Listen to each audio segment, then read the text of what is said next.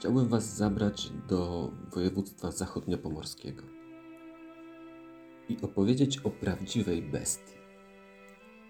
Bestii, rzecz jasna, w ludzkiej skórze, która swojej pierwszej zbrodni dopuściła się prawie dokładnie 15 lat temu, a niespełna dwa tygodnie temu dała o sobie znać ponownie. Będzie to opowieść o ułomności polskiego prawa, o kontrowersyjnym, żeby nie powiedzieć skandalicznym wyroku i tragicznych jego konsekwencjach.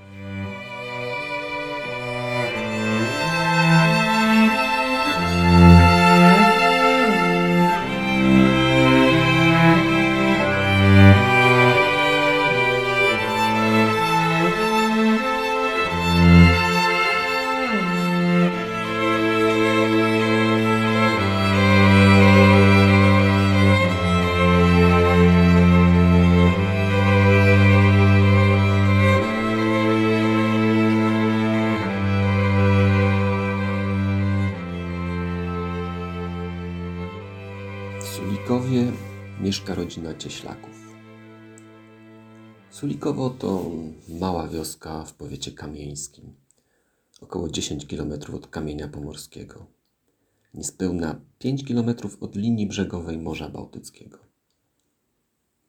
Kilkanaście murowanych domów, sklep, przystanek autobusowy. Jest rok 2006. Małżeństwo Cieślaków, Wioletta i Marek, mają czworo dzieci. Trzynastoletnią Sylwię, siedmioletnią Darię, pięcioletnią Oliwię i dwuletniego małego Oskara. Za kilka miesięcy na świat przyjdzie ich piąta pociecha. Są szczęśliwą, kochającą się rodziną. Najstarsza córka, 13-letnia Sylwia, jak większość dzieci w wieku szkolnym z tej miejscowości, uczęszcza do szkoły w oddalonym o 3 km Gostyniu. Codziennie rano dostaje się tam autobusem szkolnym, który zawsze rano dowozi dzieci z okolicznych wiosek do szkoły, a po lekcjach rozwozi do domów. Takie specjalne pomarańczowe autobusy funkcjonują w całej Polsce, nie tylko tam. 20 czerwca 2006 roku jest wtorek. To jeden z ostatnich dni roku szkolnego. Za trzy dni jest rozdanie świadectw, oceny wystawione, rygor szkolny przestaje funkcjonować, wszyscy już są myślami na wakacjach. Większość ma pewnie już konkretne na nie plany. Tego dnia klasa Sylwii zostaje zwolniona z ostatniej lekcji z WF-u. Jako, że zainteresowani dowiadują się o tym z lekkim opóźnieniem, już po przerwie dzielącej WF od poprzedniej lekcji, Sylwia spóźnia się na autobus. Zresztą nie ona jedyna, właściwie wszystkie dzieci z tej klasy. Na następny kurs trzeba czekać prawie godzinę, ale jako, że jest czerwiec, pogoda zachęcająca do aktywności na powietrzu, do spacerów, ściska się z koleżankami i decyduje się na powrót do domu pieszo. Trasa z Gostynia do Sulikowa nie jest zbyt wygodna. Wzdłuż 3-kilometrowej drogi nie ma nawet chodnika. Ale dla Sylwii nie stanowiło to przeszkody. Nie jest to dla niej nic szczególnego i wyjątkowego, pokonywała tę trasę w przeszłości już nie raz. Spacer ze szkoły z Gostynia do domu w Sulikowie zwyczajowo zajmuje jakieś 40 minut. Ale po tym czasie nie pojawia się w domu. Nie było jej też po godzinie, ani po dwóch. Dzień w domu cieślaków przestał płynąć jak co dzień i jak zwykle. Pani Violetta zaczęła odczuwać niepokój.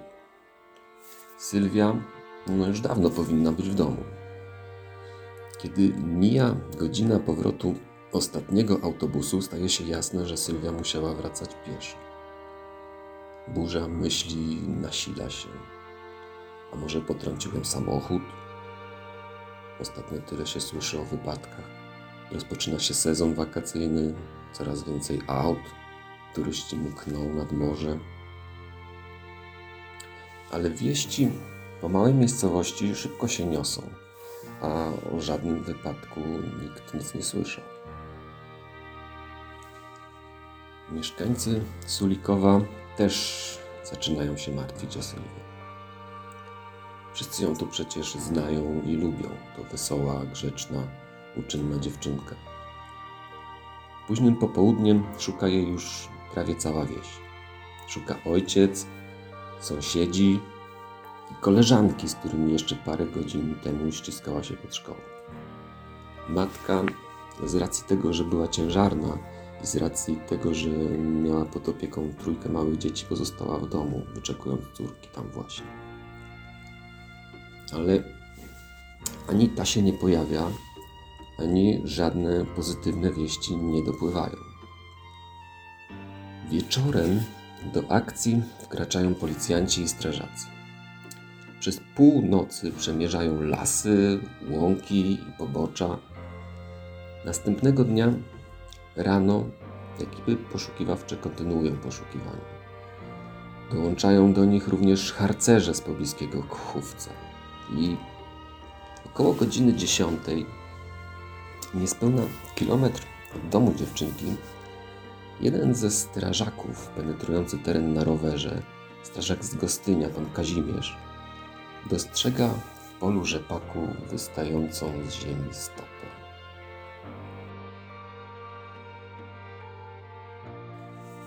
Odkłada rower, podchodzi bliżej, upewnia się, po czym robi znak krzyża w powietrzu i ucieka z krzykiem. Oddala się w poszukiwaniu reszty członków ekipy poszukiwawczej, aby powiadomić o odkryciu. Niedługo później docierają tu inni, gromadząc się w ciszy, skupieniu i zadumie. Ciało Sylwii leży kilka metrów od głównej drogi, w niewielkim zagłębieniu. Twarzą do dołu, przysypane ziemią. Dziewczynka jest bosa, ma opuszczone spodnie i majtki. Motyw seksualny zbrodni jest nader czytelny nawet dla laika. Kilka godzin trwa zabezpieczanie śladów. Zostaje zabezpieczony plecak i buty porozrzucane w bezładzie w okolicy znalezienia ciała, kilka, kilkanaście metrów od niego. Kamyk na rzemyku zerwany z szyi Sylwii. W jednym bucie nie ma sznurówki. Ta leży jeszcze w innym miejscu. Na całej długości ma pozawiązywane węzły. Wygląda jakby ktoś się nią bawił. Zapewne zostawił ślady. Policyjny pies podjął trop i zaprowadził funkcjonariuszy do Sulikowa. Tam chodził od gospodarstwa do gospodarstwa bez wskazania konkretnego domu. Do końca więc nie ma pewności, czy nie jest to trop sąsiadów biorących udział w poszukiwaniu dziewczynki. Oględziny miejsca zbrodni i obrażenia ofiary dają podstawy przypuszczać, że był to gwałt zbiorowy.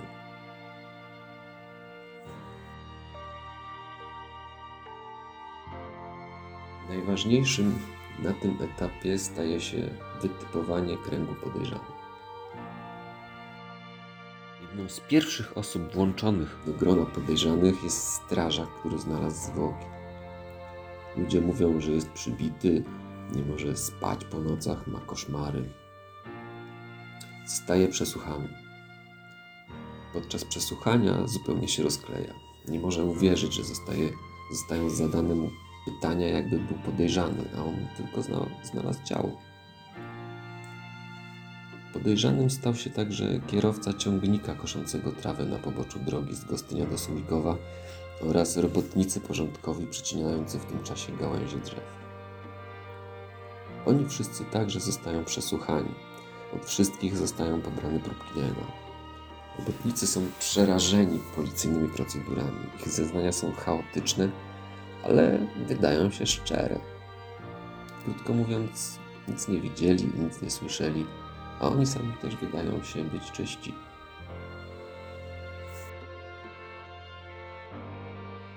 Ostatnią osobą, o której wiadomo, że widziała Sylwię za życia, był jej szkolny kolega Dawid.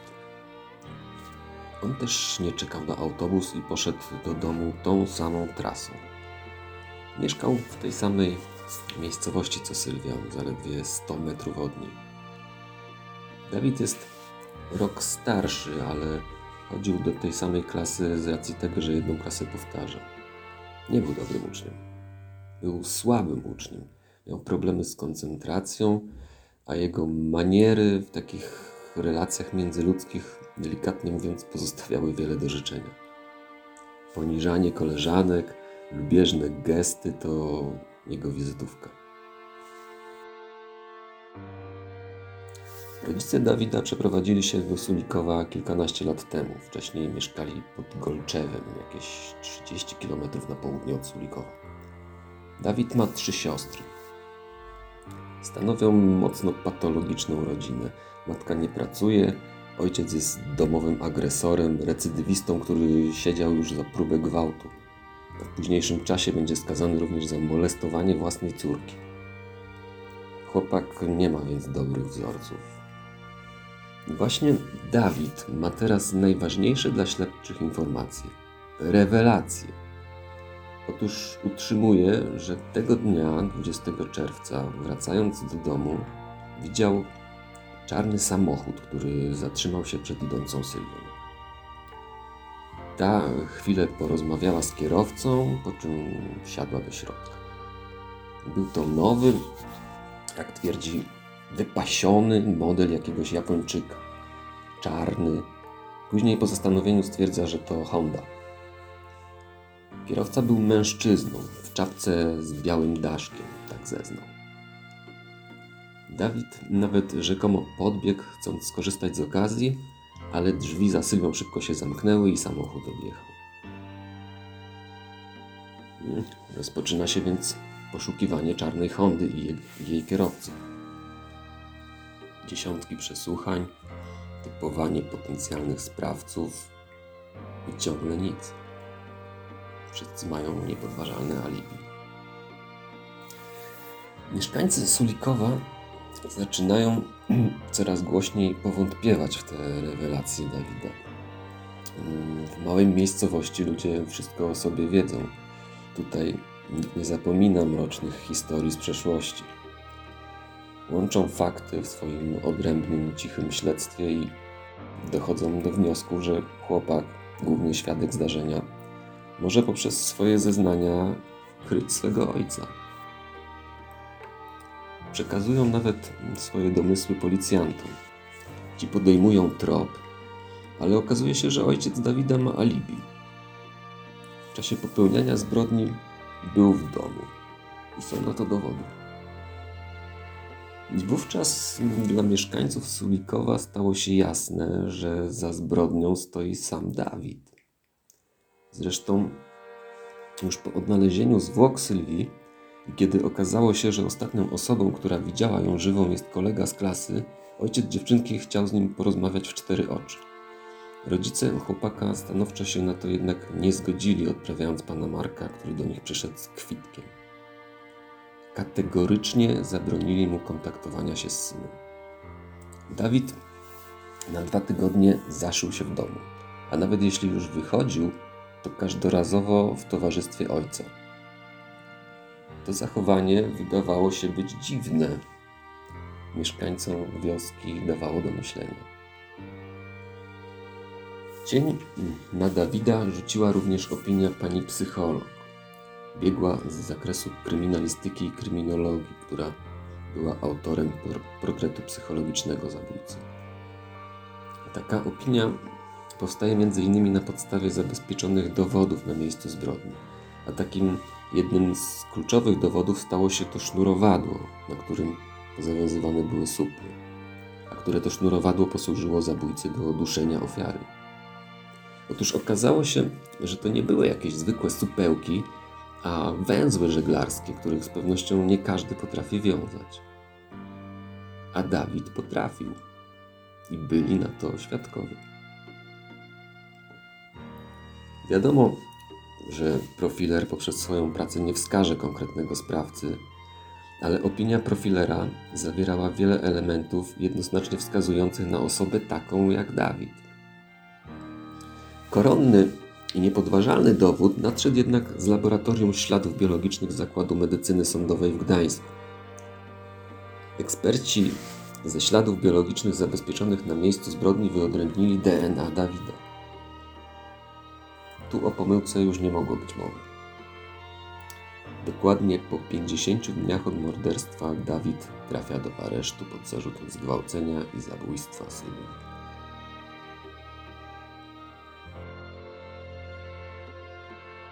Siedem miesięcy później, w marcu 2007 roku, w sądzie dla nieletnich w Świnoujściu zapadł wyrok.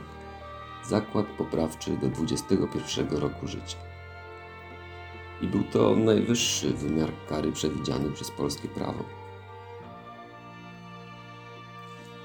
Dawid trafił do półotwartej placówki w Świdnicy. I już po roku od ogłoszenia wyroku dostał przepustkę na miesiąc. Przyjechał wówczas do swojego domu. Resocjalizacja najwyraźniej nie przynosiła spodziewanych efektów, bowiem w trakcie tej swojej miesięcznej przepustki, widocznie nie potrafiąc pohamować swoich seksualnych żądzy, dopuszczał się wykorzystywania seksualnego swojej młodszej siostry. Potem po raz drugi stanął przed sądem. No ale co można zrobić z nieletnim, który już raz został skierowany do poprawczaka za przestępstwo seksualne? Na co w takim przypadku pozwala polskie prawo? Na nic. Jedyne co zrobiono, to ograniczono mu możliwość wychodzenia na przepustki. Ale i na to łebski Dawid znalazł sposób. Po kolejnym roku uciekł z poprawczaka. Zanim złapano go we Wrocławiu, zdążył napaść na dziewiętnastolatkę i grożąc jej nożem zabrał torebkę. Razem z nią telefon komórkowy i 600 zł. To stosunkowo drobne przestępstwo w porównaniu z, z poprzednio popełnionymi, ale tym razem, jako że miał już 17 lat, chyba skończone albo prawie skończone, został osądzony jak dorosły. Trafił do więzienia na 3 lata. Paradoks polegał na tym, że to skróciło jego dotychczasową karę, bowiem w poprawczaku miał przesiedzieć do 21 roku życia, jak mówiłem, 7 lat, a tymczasem wyszedł na wolność w wieku 20 lat po odsiedzeniu łącznie 6. Tym samym we wrześniu 2012 roku, w wieku 20 lat, popełniając uprzednio brutalną zbrodnię gwałtu i zabójstwa ze szczególnym okrucieństwem, stał się wolnym człowiekiem. Co więcej, po wyjściu na wolność wrócił do swojego domu rodzinnego, do Sulikowa, a więc zamieszkał zaledwie 100 metrów od rodziny Cieślaków. Państwo Cieślakowie, jako że mają jeszcze cztery córki, obawiając się o ich bezpieczeństwo, zostali niejako zmuszeni do ewakuacji. Ponadto sama świadomość, że obok mieszka morderca ich pierworodnej, była nie do zniesienia. Przy pomocy gminy rodzina przenosi się do innej miejscowości. Profesor Kruszyński Piotr Kruszyński, wybitny karnista, dziwi się, że to rodzina ofiary musiała uciekać przed sprawcą, który wyszedł na wolność. Mówi, że to nienaturalna sytuacja. Na pytanie skierowane do policji, jak mogą zapewnić bezpieczeństwo mieszkańcom Sulikowa, pada odpowiedź. Funkcjonariusze z ogniwa patrolowo-interwencyjnego są wyczuleni na ewentualne zdarzenia z udziałem tego mężczyzny. To oznacza m.in. wzmożone patrole, częstsze wizyty dzielnicowego ścisłą współpracę z Gminnym Ośrodkiem Pomocy Społecznej. Robimy to, na co pozwala prawo i nasze możliwości kadrowe. Policjant nie może stać pod domem Dawida, a radiowóz patrolować cały czas tej jednej miejscowości. No, innymi słowy, nie można nękać Dawida, bo odsiedział swoją karę i jest wolnym człowiekiem.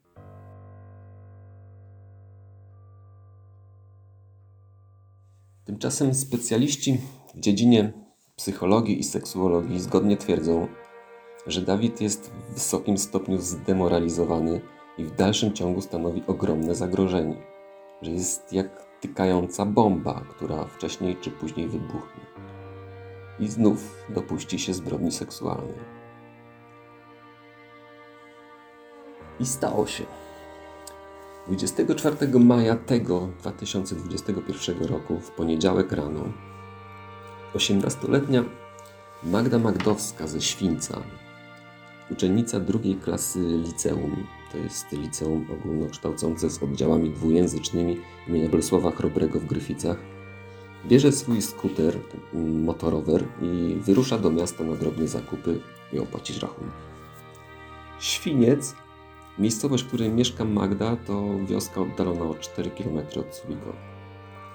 Do kamienia pomorskiego, gdzie wyruszyła, ma 9 km. Po drodze, jeszcze w Świńcu, wstępuje do babci zapytać, co jej kupić. Babcia mówi dziewczynie, czego potrzebuje, a ta rusza dalej. Mijają godziny, a Magda do domu nie wraca. Nie ma z nią też kontaktu telefonicznego. Telefon nie odpowiada. Może się z kimś spotkała, może zdecydowała się odwiedzić znajomych, a telefon po prostu się rozładował. Ale dzień mija, a obiecanych babci zakupów ani samej Magdy nie ma. Telefon milczy. Przeprowadzone przez rodzinę poszukiwania nie dają spodziewanych rezultatów, ale odnaleziony zostaje skuter Magdy, zaparkowany jak gdyby nigdy nic przed sklepem. Po Magdzie jednak ani śladu. W środę 26 maja ojciec 18-latki zgłasza na policji zaginięcie córki. I sprawa szybko nabiera rozgłosu. O zaginięciu dziewczyny mówią wszystkie największe telewizje w kraju. Głośno jest w serwisach informacyjnych, rozpisują się inne media. Zdjęcie i rysopis zaginionej krąży po mediach społecznościowych. Zaginęła Magda Magdowska. Około 165 cm wzrostu, szczupła, zielone oczy, krótkie, ciemne włosy, znaki szczególne, tatuaż na nadgarstku w kształcie motyla. Jest niemal pewnym, że stało się coś złego, choć rodzina, babcia cały czas ma nadzieję. Działania poszukiwawcze nie ustają. Szczegółowo analizowany jest zapis monitoringu. Przez kolejne dni w poszukiwania zaangażowanych jest kilkudziesięciu funkcjonariuszy oraz grupa poszukiwawczo-ratownicza z psami i dronami. W niedzielne popołudnie, późne popołudnie 30 maja Całą Polskę obiega tragiczna wieść. W lesie pod kamieniem pomorskim, a właściwie bliżej Świńca i Sulikowa, pomiędzy tymi miejscowościami, znaleziono ciało młodej kobiety. To zaginiona sześć dni wcześniej Magda. Ojciec rozpoznał ciało córki, chociaż dokonał tego na podstawie ubrania i tatuażu, bowiem twarz trudno rozpoznać jest cała posiniaczona, wręcz nieidentyfikowalna. Jeszcze tego samego dnia policjanci z Komendy Powiatowej Policji w Kamieniu Pomorskim zatrzymują podejrzanego o zbrodnię. Jest nim nikt inny, tylko Dawid. Dawid J., który przyznaje się do winy. Feralnego dnia 24 maja w poniedziałek Magdy skuter odmówił posłuszeństwa. Nie wiadomo, czy Dawid maczał w tym swoje palce, ale wiadomo, że chłopak zaproponował 18-latce pomoc i podwózkę swoim autem. Dziewczyna przyjmuje ofertę. I to jest dość zagadkowa i nie do końca jasna sprawa, ponieważ dziewczyna znała Dawida, w tym sensie, że Wiedziała, który to jest i znała jego brutalną przeszłość. A mimo to wsiadła z nim do samochodu. Nie wiem, została siłą do niego zaciągnięta. Nie było świadków. Nie zostało to w ogóle wyjaśnione. Póki co. No i jak już wiadomo, do domu nie dociera. 29-latek wywozi ją do lasu, gwałci i dusi. Ciało porzuca. Po odnalezieniu zwłok dziewczyny, sam minister sprawiedliwości, prokurator generalny Zbigniew Ziobro na swym Twitterze składa kondolencje rodzinie zamordowanej. Dzień później na zwołanej konferencji prasowej zapowiada, który to już raz, zaostrzenie kar dla tego typu zdemoralizowanych przestępców. Uczniowie liceum, do którego uczęszczała Magda, organizują Marsz Milczenia. Następnego dnia, we wtorek, w marszu, który wyrusza spod gmachu szkoły, bierze udział poza uczniami kadra nauczycielska, dyrektorka placówki i mieszkańcy. Marsz przechodzi spod y, szkoły w kierunku centrum miasta na Plac Zwycięstwa. To krótki odcinek. Ci, którzy mieszkają w Gryficach lub znają to miasto, na pewno wiedzą o jakiej trasie i o jakim miejscu mówię. Tam na Placu Zwycięstwa wypuszczają w niebo białe balony jako wyraz buntu wobec obezwładniającej, bezsensownej i porażającej przemocy. Ten dzień, ten tydzień i następne dni miały być radosne. Nie tylko z powodu zbliżających się wakacji, ale także dlatego, że po wielu miesiącach pracy i nauki zdalnej wywołanej pandemią wszyscy mieli się wreszcie spotkać razem w szkole. Niestety, Magda już nigdy się tam nie pojawi. Dawidowi grozi dożywocie co chyba nie jest żadnym zaskoczeniem. W tej sytuacji to jedyna słuszna kara. W dodatku najlepiej bez choćby możliwości ubiegania się o przedterminowe zwolnienie. Wydaje się, że każdy inny, niższy wyrok byłby po prostu skandalem, kolejną porażką wymiaru sprawiedliwości. Ale poczekamy, zobaczymy.